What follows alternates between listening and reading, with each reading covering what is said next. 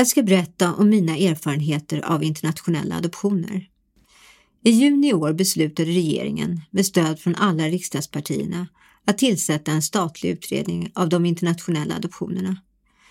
Efter en mängd skandaler med korruption och oegentligheter har flera länder stängt för adoption. Etiopien till exempel 2018. De internationella adoptionerna har sjunkit sedan 90-talet och både till exempel Holland som mottagarland och Chile som givarland har kunnat peka på allvarliga oegentligheter i adoptionernas spår. Att Sverige nu också är villigt att göra en statlig utredning av de internationella adoptionerna är därför ett mycket glädjande besked för alla som varit och är engagerade i adoptionsfrågor. Låt vara att det dröjt lite väl länge. Vi vet ännu inte vilka direktiv denna utredning kommer förses med, men jag hoppas att den inte bara blir en symbolhandling utan också leder till en heltäckande bild av de svenska internationella adoptionerna från 60-talet och fram till idag och att utredningen omfattar alla länder och leder till konkreta åtgärder. Mitt namn är Sara Grönros. Jag är utbildad socialantropolog och snart också nyexaminerad grundskolelärare och det här är min mittårsrapport för Teatertribunalen.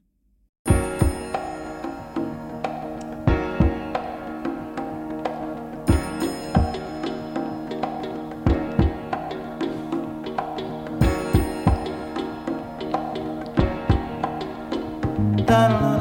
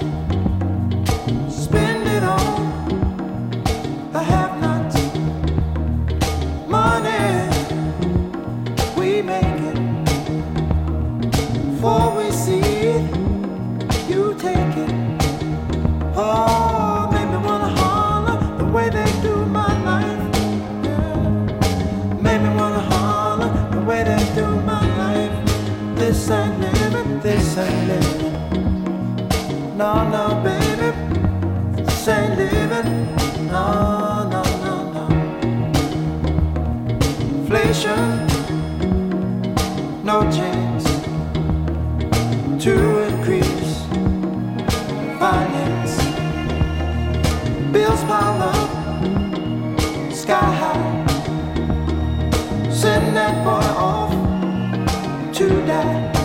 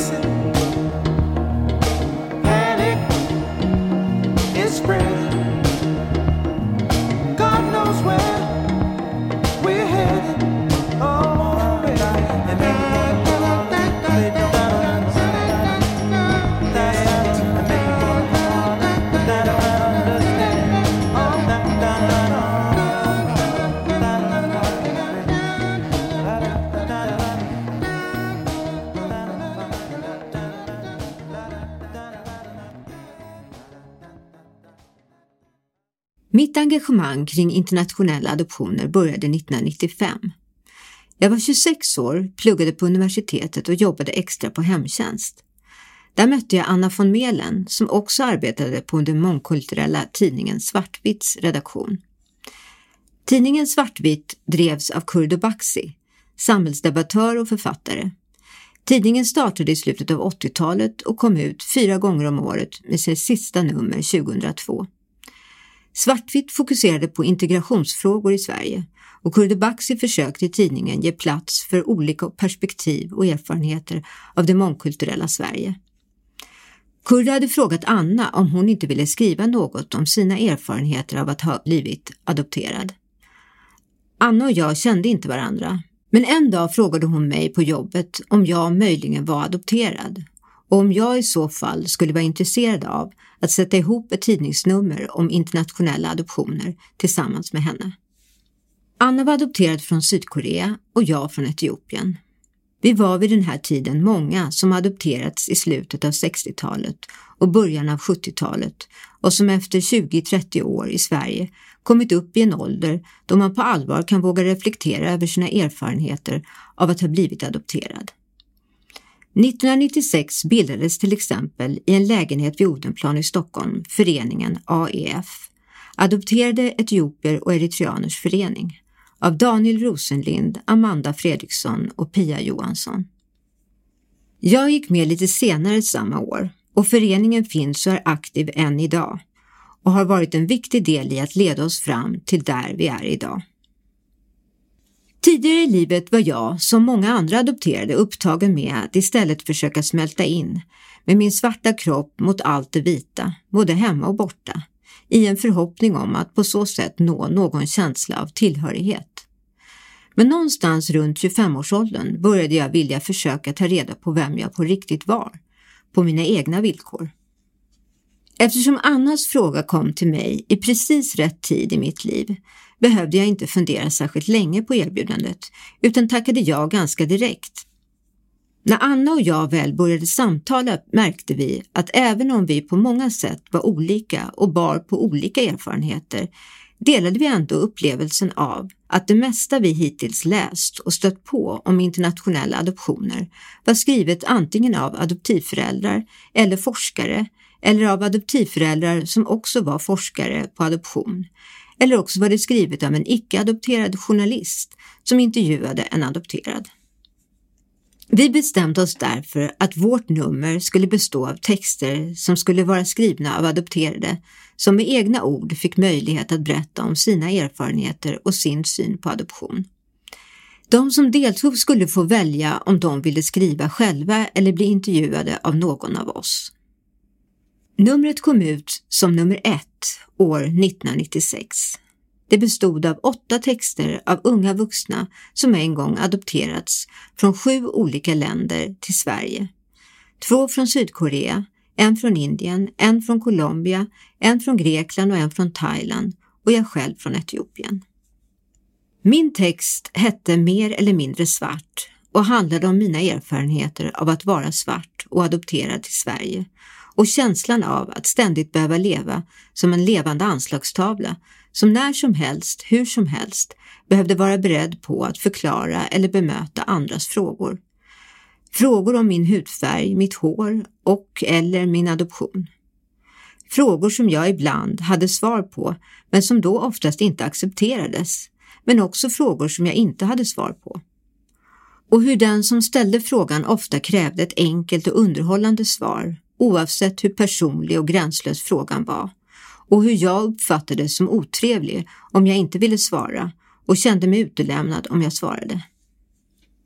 Annas text hette När en adoptivförälder dör och handlade om erfarenheten av att först förlora sina biologiska föräldrar och lite senare också sin enda adoptivförälder.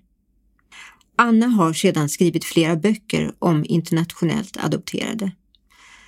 Som medverkande i numret bjöds också Tobias Hübinette in, adopterad från Sydkorea och idag en uppmärksammad forskare och aktivist i adoptionsfrågor och frågor om ras. Texten om Tobias handlade om att vara antirasist och adopterad. Det här var för 25 år sedan och vi var då cirka 36 000 internationellt adopterade i Sverige. Idag är vi cirka 60 000 och trots dessa höga siffror har Sverige flera gånger fått kritik för att det inte gjort tillräckligt med forskning på området internationella adoptioner. Ändå är Sverige det land i världen som adopterat procentuellt flest barn internationellt. Internationella adoptioner bottnar i frågor om makt och maktlöshet. Internationella adoptioner är politik, en aspekt som det talas alldeles för lite om. Istället har frågan ofta begränsats till något individuellt. Och visst handlar det om individen, individer. Men det är viktigt att också se maktstrukturerna kring internationella adoptioner. Det handlar om storpolitik på både global och nationell nivå. Internationella adoptioner leder till frågor om migration, synen på nationalitet, identitet, etnicitet, familjebildning, kulturell tillhörighet, betydelsen av biologiska band, svenskhet, utanförskap, rasism, intersektionalitet, anknytning, att rädda och att bli räddad, psykisk ohälsa, makt och maktlöshet, kolonialism, imperialism, tacksamhet och välfärd, tur eller otur, fattigdom, rikedom, korruption, barnlöshet, genus, vems sorg som får ta plats och rätten till en hel historia. Internationella adoptioner är ett ämne som kan kopplas till så många områden att det är ofattbart att det inte forskats mer om det. Men jag tror svaret går att hitta om man bara förstår vilka som hittills ägt frågan och forskningen.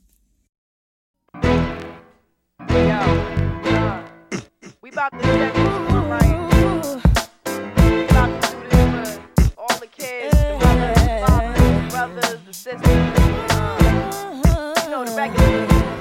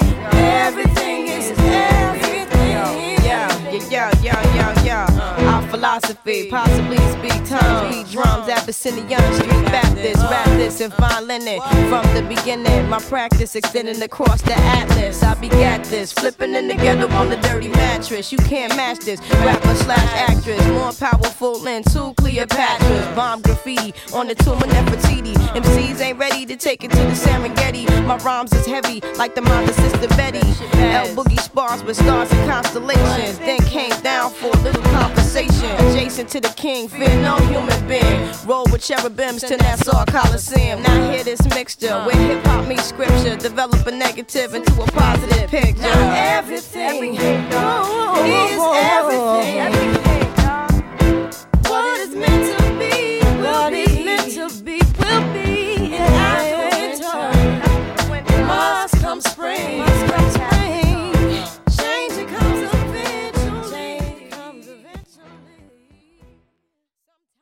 2002 läste jag min magisterkurs i socialantropologi på Stockholms universitet. Min plan var att söka ett så kallat MFS-stipendium genom Sida och göra en fältstudie i Etiopien för att samla in data för min magisteruppsats.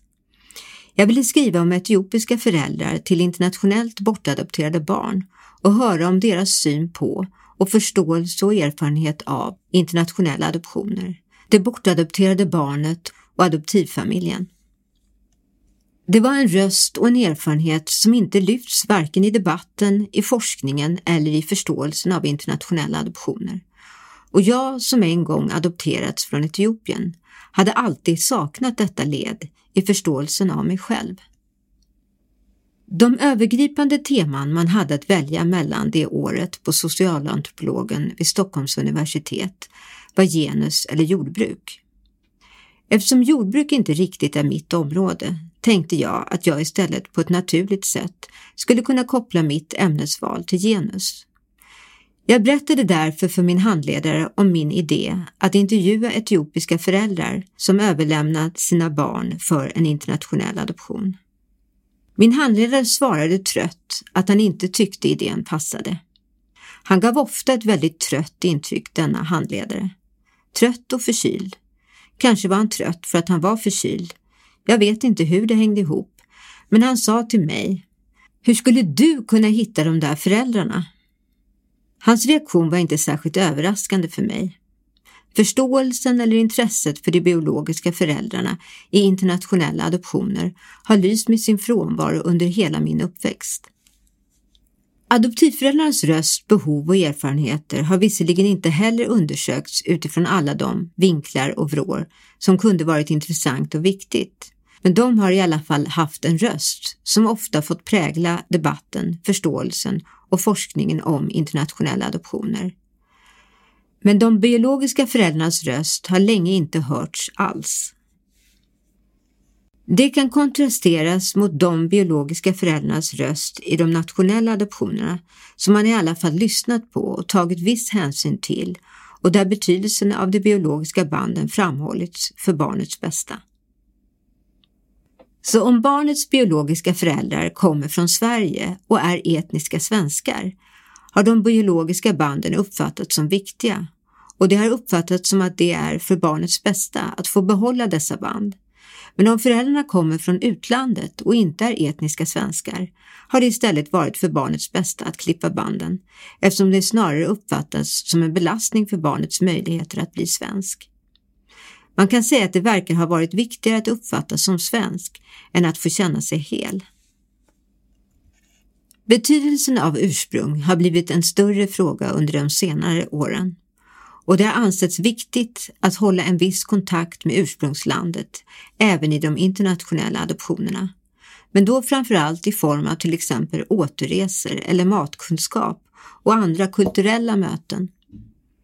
Kontakten med andra adopterade och andra adoptivfamiljer har också lyfts fram. Det beror delvis också på att ursprungsländerna har kunnat ställa högre krav på mottagarländerna. Men de biologiska föräldrarnas röst har fortsatt att vara tyst i forskningen och i förståelsen av internationella adoptioner. Men tillbaks till min handledare och år 2002. Min handledare gav som sagt under hela magisterkursen ett trött intryck och den enda gång han verkade lite vaken och intresserad var när han vid ett seminarium tagit med sig sitt eget CV och läste högt ur det för oss studenter. I hans CV stod det bland annat att han varit i Etiopien för Sidas räkning, men han verkade inte nämnvärt intresserad av det uppdraget. Inte heller av de övriga länder han besökt för Sida och han verkade inte heller ha något större intresse för min frågeställning eller internationella adoptioner överhuvudtaget. Men varför skulle de där föräldrarna vilja prata med dig om det här? undrade han. Eftersom jag tidigare hade mött många som visat sin oförståelse eller ointresse för frågor om de biologiska föräldrarna i internationella adoptioner hade jag förberett mig på hans möjliga reaktion och kunde därför också berätta att jag faktiskt redan varit i Etiopien flera gånger tidigare och då också träffat biologiska föräldrar till internationellt bortadopterade barn. Och det var också utifrån den erfarenheten som min idé skapats. Jag berättade också att jag hade kontakter i Etiopien som kunde hjälpa mig att få kontakt med ytterligare föräldrar och att en amerikansk professor i socialantropologi som forskat på internationella adoptioner till Sverige hade sagt sig vara villig att stötta mig i mitt uppsatsarbete vid behov. Min handledare var inte alls imponerad eller övertygad. Nej, jag tror det är bättre att du väljer något annat ämne, blev hans slutgiltiga svar. Jag försökte förklara och övertyga ytterligare en liten stund om angelägenheten i att lyssna på och lära av de biologiska föräldrarnas röst, i synnerhet som många av dem började bli gamla. Det här var 2002 och de internationella adoptionerna från Etiopien till Sverige började redan på 60-talet, så många av de här föräldrarna var nu i 50-60 årsåldern. Men min handledare lät sig inte bevekas. För de av lyssnarna som tänker att det kanske låg något i min handledares skepsis med tanke på att jag som adopterad från Etiopien personligen stod nära ämnet vill jag påminna om att väldigt mycket av den forskning som vi dittills hade fått ta del av om internationella adoptioner hade bedrivits av forskande adoptivföräldrar. Och det har då aldrig ifrågasatts i någon större utsträckning eller fått några ögonbryn att höjas. Tvärtom Adoptivföräldrarnas forskningsintresse uppfattas som behjärtansvärd och ett bevis på hur engagerade de är i frågan. Jag fick hur som helst inte skriva om det jag tyckte var angeläget och relevant utifrån vad man skulle kunna kalla en klassisk socialantropologisk frågeställning gällande familjeband, genus, identitet och kulturella strukturer. Men jag fick mitt MFS-stipendium och jag kom iväg till Etiopien samma år och jag samlade in data till min magisteruppsats som istället kom att handla om bilden av väst i etiopisk media med fokus på genus.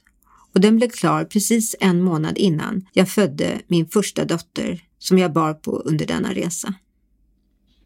2002 kom flera uppmärksammade dokumentärer om oegentligheter i internationella adoptioners spår och 2003 kom den första mer omfattande svenska rapporten från Socialstyrelsen som pekade på att internationellt adopterade var överrepresenterade bland unga i psykisk ohälsa.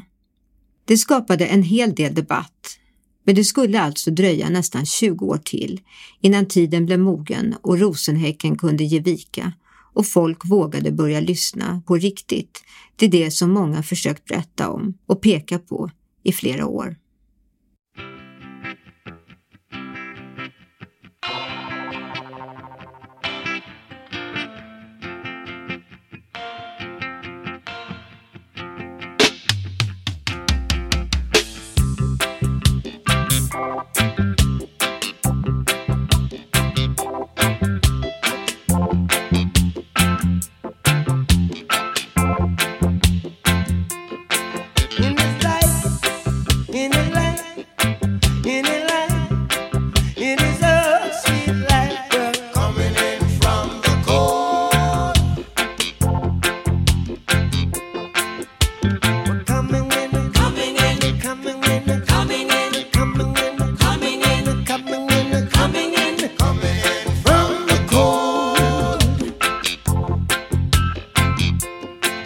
It's you.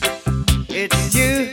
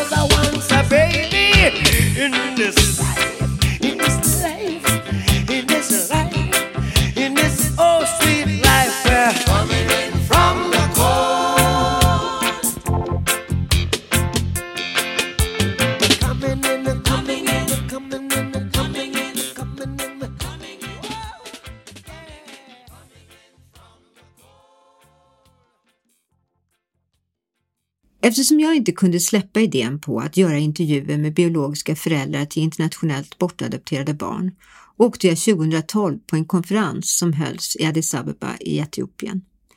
The International Policy Conference on the African Child. Konferensen riktade sig till alla afrikanska länder, både de som redan öppnat sitt land för internationella adoptioner och de som ännu inte gjort det.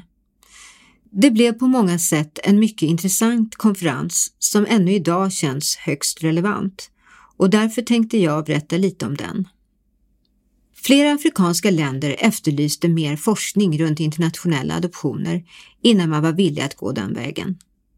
Man efterlyste att höra om vuxna adopterades erfarenheter kring att växa upp i ett vitt Europa och i en vit familj. Flera länder undrade över vilka adoptivföräldrarna var varför de var intresserade av att adoptera svarta barn och hur dessa vita föräldrar lyckades anknyta till barnet.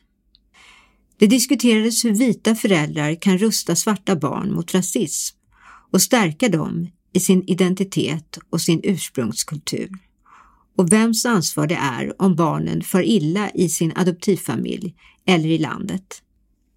I många afrikanska språk fanns inte ett begrepp för internationella adoptioner. Vad kunde det få för konsekvenser? Adoptionsmyndigheter från olika västerländska länder och olika privata adoptionsförmedlare var också inbjudna till konferensen. Den svenska myndigheten för internationella adoptionsfrågor, MIA, som idag heter Myndigheten för familjerätt och föräldraskapsstöd, eller MFOF, var också där, men sa inte mycket. Representanter från Adoptionscentrum bredde ut sig desto mer. De berättade stolt om hur man i Sverige har en lång och god erfarenhet av internationella adoptioner och faktiskt var ett av de länder i världen som hållit på längst med internationella adoptioner och med mycket goda resultat. De länder i Afrika som Sverige under denna tid adopterat barn ifrån var Etiopien, Sydafrika, Madagaskar, Nigeria, Kenya, Zambia och Lesotho. Något som ofta varit tydligt för oss som varit engagerade eller intresserade av adoptionsfrågor är hur den svenska adoptionsmyndigheten i hög grad suttit i knät på Adoptionscentrum. Jag vet inte om det kan ha att göra med att myndigheten bildades tidsmässigt lite senare än Adoptionscentrum och som jag förstått det så fick myndigheten därför ta en del hjälp av Adoptionscentrum till exempel när det gällde kontakter, erfarenheter och kunnande, vilket jag tror kan ha lett till detta märkliga och mycket problematiska maktförhållande. Adoptionscentrum har fått verka nästan som en myndighet i vissa fall, trots att det hela tiden bara varit en ideell organisation driven av entusiastiska adoptivmammor och även en del pappor. Jag har mött många adopterade och adoptivföräldrar men också representanter i givarländer som trott att det är Adoptionscentrum som är myndigheten. Och den statliga myndigheten verkar inte ha varit särskilt angelägen eller framgångsrik i att ändra denna föreställning. USA har varit både givarland och mottagarland för internationella adoptioner. På konferensen berättade den amerikanska ambassadören i Etiopien att USA tyckte det var självklart att det var givarländernas ansvar att barnen inte far illa i mottagarlandet. Detta trots att man visste att de flesta givarländer inte alls har samma möjligheter att ställa krav på mottagarländerna som USA har. Det spelar in att USA har skrivit under barnkonventionen men inte ratificerat den. Den är därför inte juridiskt bindande. Under den här tiden hade USA gått om flera mottagarländer i konkurrensen om tillgång till barn, vilket skapade stor irritation bland flera mottagarländer som var med på konferensen. Konferensen kunde på så sätt också uppfattas som en marknad där västeuropeiska adoptionsbyråer i pauserna försökte sälja in sig till afrikanska länder. Jag mötte till exempel en italiensk adoptionsförmedlare som bad mig berätta för några afrikanska representanter att det inte finns någon rasism i Europa. Något som jag självklart inte kunde göra eftersom det inte är sant. Uppenbart är att det aldrig har varit givarländer som sökt upp mottagarländer och bett dem att ta deras barn.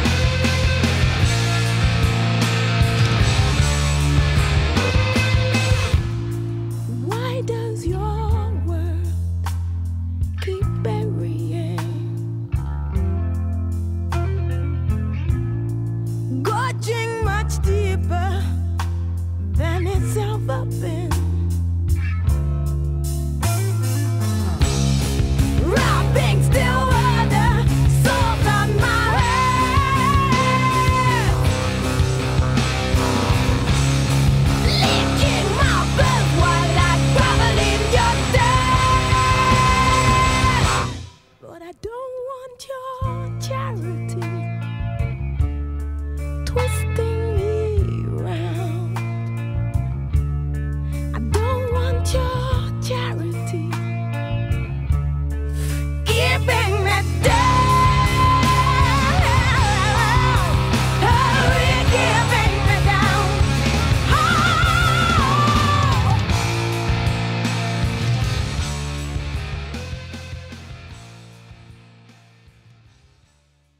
Konferensen i Addis Abeba 2012 gav som sagt många intressanta perspektiv och tre år senare, 2015, åkte jag tillbaks till Etiopien för att utföra mina första strukturerade intervjuer med föräldrar till bortadopterade barn i Sverige. Mötet med dessa föräldrar blev starkt men också märkligt enkelt. Trots de ofta starka och smärtsamma historier som jag fick lyssna till i föräldrarnas berättelser så fanns det något för mig personligen djupt helande i att höra deras berättelser och jag fick också känslan av att dessa föräldrar gärna ville få berätta. Det kom fler föräldrar än jag hade möjlighet att intervjua. Jag tror att det som kändes helande för mig var att få ta del av deras berättelser om sorg och saknad eftersom den sorgen och saknaden var så besläktad med min egen. Det gav en bekräftelse på att sorgen jag kände var sann och verklig, något som ofta förnekats adopterade.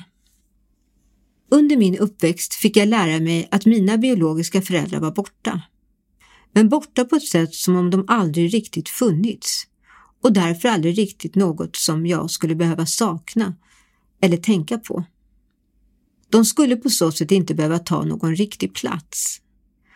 De skulle vara borta som om de aldrig riktigt hade levt eller sagt några riktiga ord innan de försvann. Och de kunde därför inte ha hunnit lämna några spår. Inte i mig, men inte heller i något annat. De var bara borta. Eller kanske döda. Men det fanns ingen grav för mig att besöka och det skulle därför inte heller behöva leda till någon riktig sorg eller saknad. De skulle bara förstås som borta, precis som stora delar av mig själv.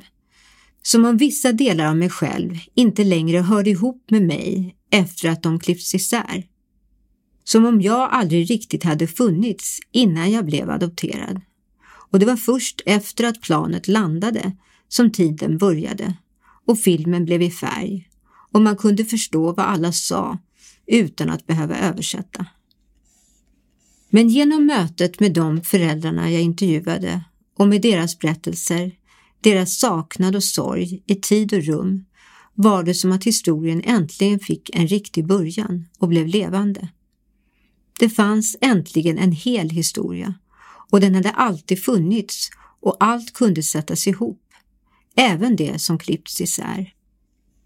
Mötet med dessa föräldrar gav också insikten om att man aldrig glömmer det barn man lämnat eller överlämnat. Man överlämnar inte ett barn utan att sörja, inte utan att sakna, inte utan att kanske ångra sig eller undra hur det har gått. Insikten var också att den sorg jag burit på var verklig och inte bara min. Att detta har hänt. Att tiden existerar också innan adoptionen. I sekunder, minuter, dagar och nätter, veckor, månader, i år. Deras vittnesmål har stor betydelse inte bara för de som adopterats utan för långt fler. De bortadopterade barnens biologiska syskon var också ibland med vid intervjuerna och vittnade om sina erfarenheter av att förlora ett syskon eller att leva med föräldrar som överlämnat eller blivit avlurade ett barn.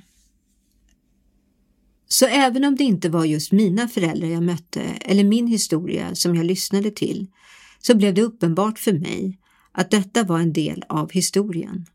Alla adopterades historia. Alla adopterades historia ser självklart inte exakt likadan ut och alla adopterade känner inte heller likadant inför sin historia. Men vi är alla födda innan vi blev adopterade. Genomgående för de intervjuer jag utförde under en veckas tid var att föräldrarna när de skrivit på papperna inte hade förstått vad en internationell adoption faktiskt innebar. Att den var oåterkallelig. De hade istället blivit lovade att de skulle ha kontakt med barnet och adoptivföräldrarna fram till dess att barnet fyllde 18 år och därefter skulle barnet komma tillbaks till dem som vuxen och utbildad. I ett fall var det inte heller mamman som skrivit under adoptionspapperna utan en ställföreträdande mamma. I Afrika är det inte helt ovanligt att man ibland lämnar över sitt barn till en släkting eller en granne under en längre eller kortare period. Till exempel måste kanske föräldrarna arbeta långt borta eller så har en förälder blivit sjuk eller något annat. Det är ofta inte en permanent lösning och sker mestadels helt informellt. Men denna företeelse verkar vara något som ibland har utnyttjats i internationella adoptioner. Alla de familjer som jag intervjuade hade eller hade haft det svårt ekonomiskt under den period som barnet överlämnades för adoption. Men ingen hade svultit.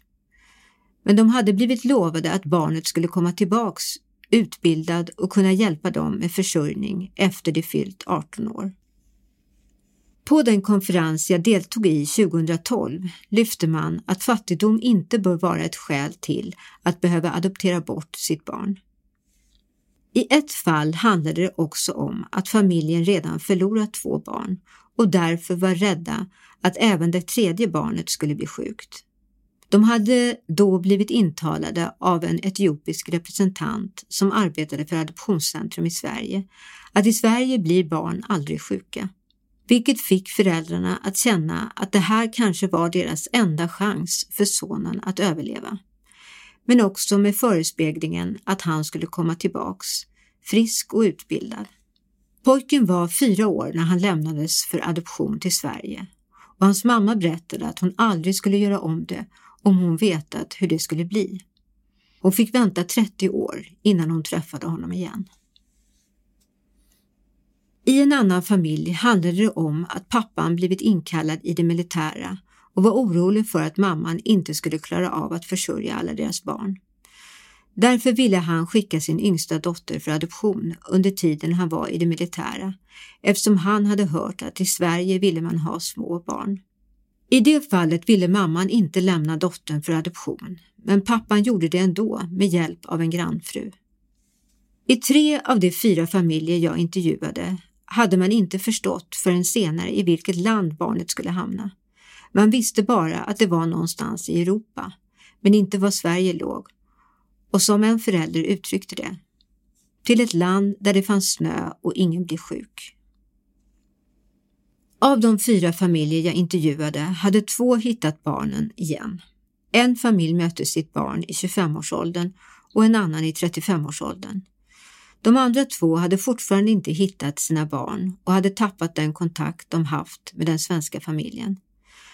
Från början var det sagt att de skulle få regelbundna uppdateringar om barnet, men under åren kom dessa glesare och glesare. En mamma berättade att när hennes brev returnerades från Sverige trodde hon att sonen var död, men hon hoppades fortfarande att han lever. Alla kunde visa mig urblekta bilder av ett litet barn. Det var många smärtsamma historier med en sorg som är svår att greppa, även om jag kunde se att den var besläktad med min egen. Och en mamma sa efter intervjun, jag sörjer fortfarande min son, men att få prata med dig om det här känns nästan som att jag får honom tillbaks en liten stund och det känns bra. Idag möter jag inte längre särskilt ofta frågor utifrån att jag blivit adopterad. Det är på många sätt skönt, men på vissa sätt kanske synd eftersom jag idag skulle ha mycket bättre förutsättningar att bemöta de frågor som jag fick när jag växte upp. Jag tror att jag inte får dessa frågor idag Dels för att många inte tror att jag är adopterad eftersom det idag lever många svenskar i Sverige från Etiopien och Eritrea som inte kommit hit genom adoption. Dels därför att man kanske ser erfarenheten av att ha blivit adopterad som något som man bör vara klar med när man blir vuxen. Men erfarenheten av att en gång blivit adopterad lever kvar i mig och kommer följa mig genom hela mitt liv. Med vissa delar som också följer våra barn. De bär också delar av mig i sin historia.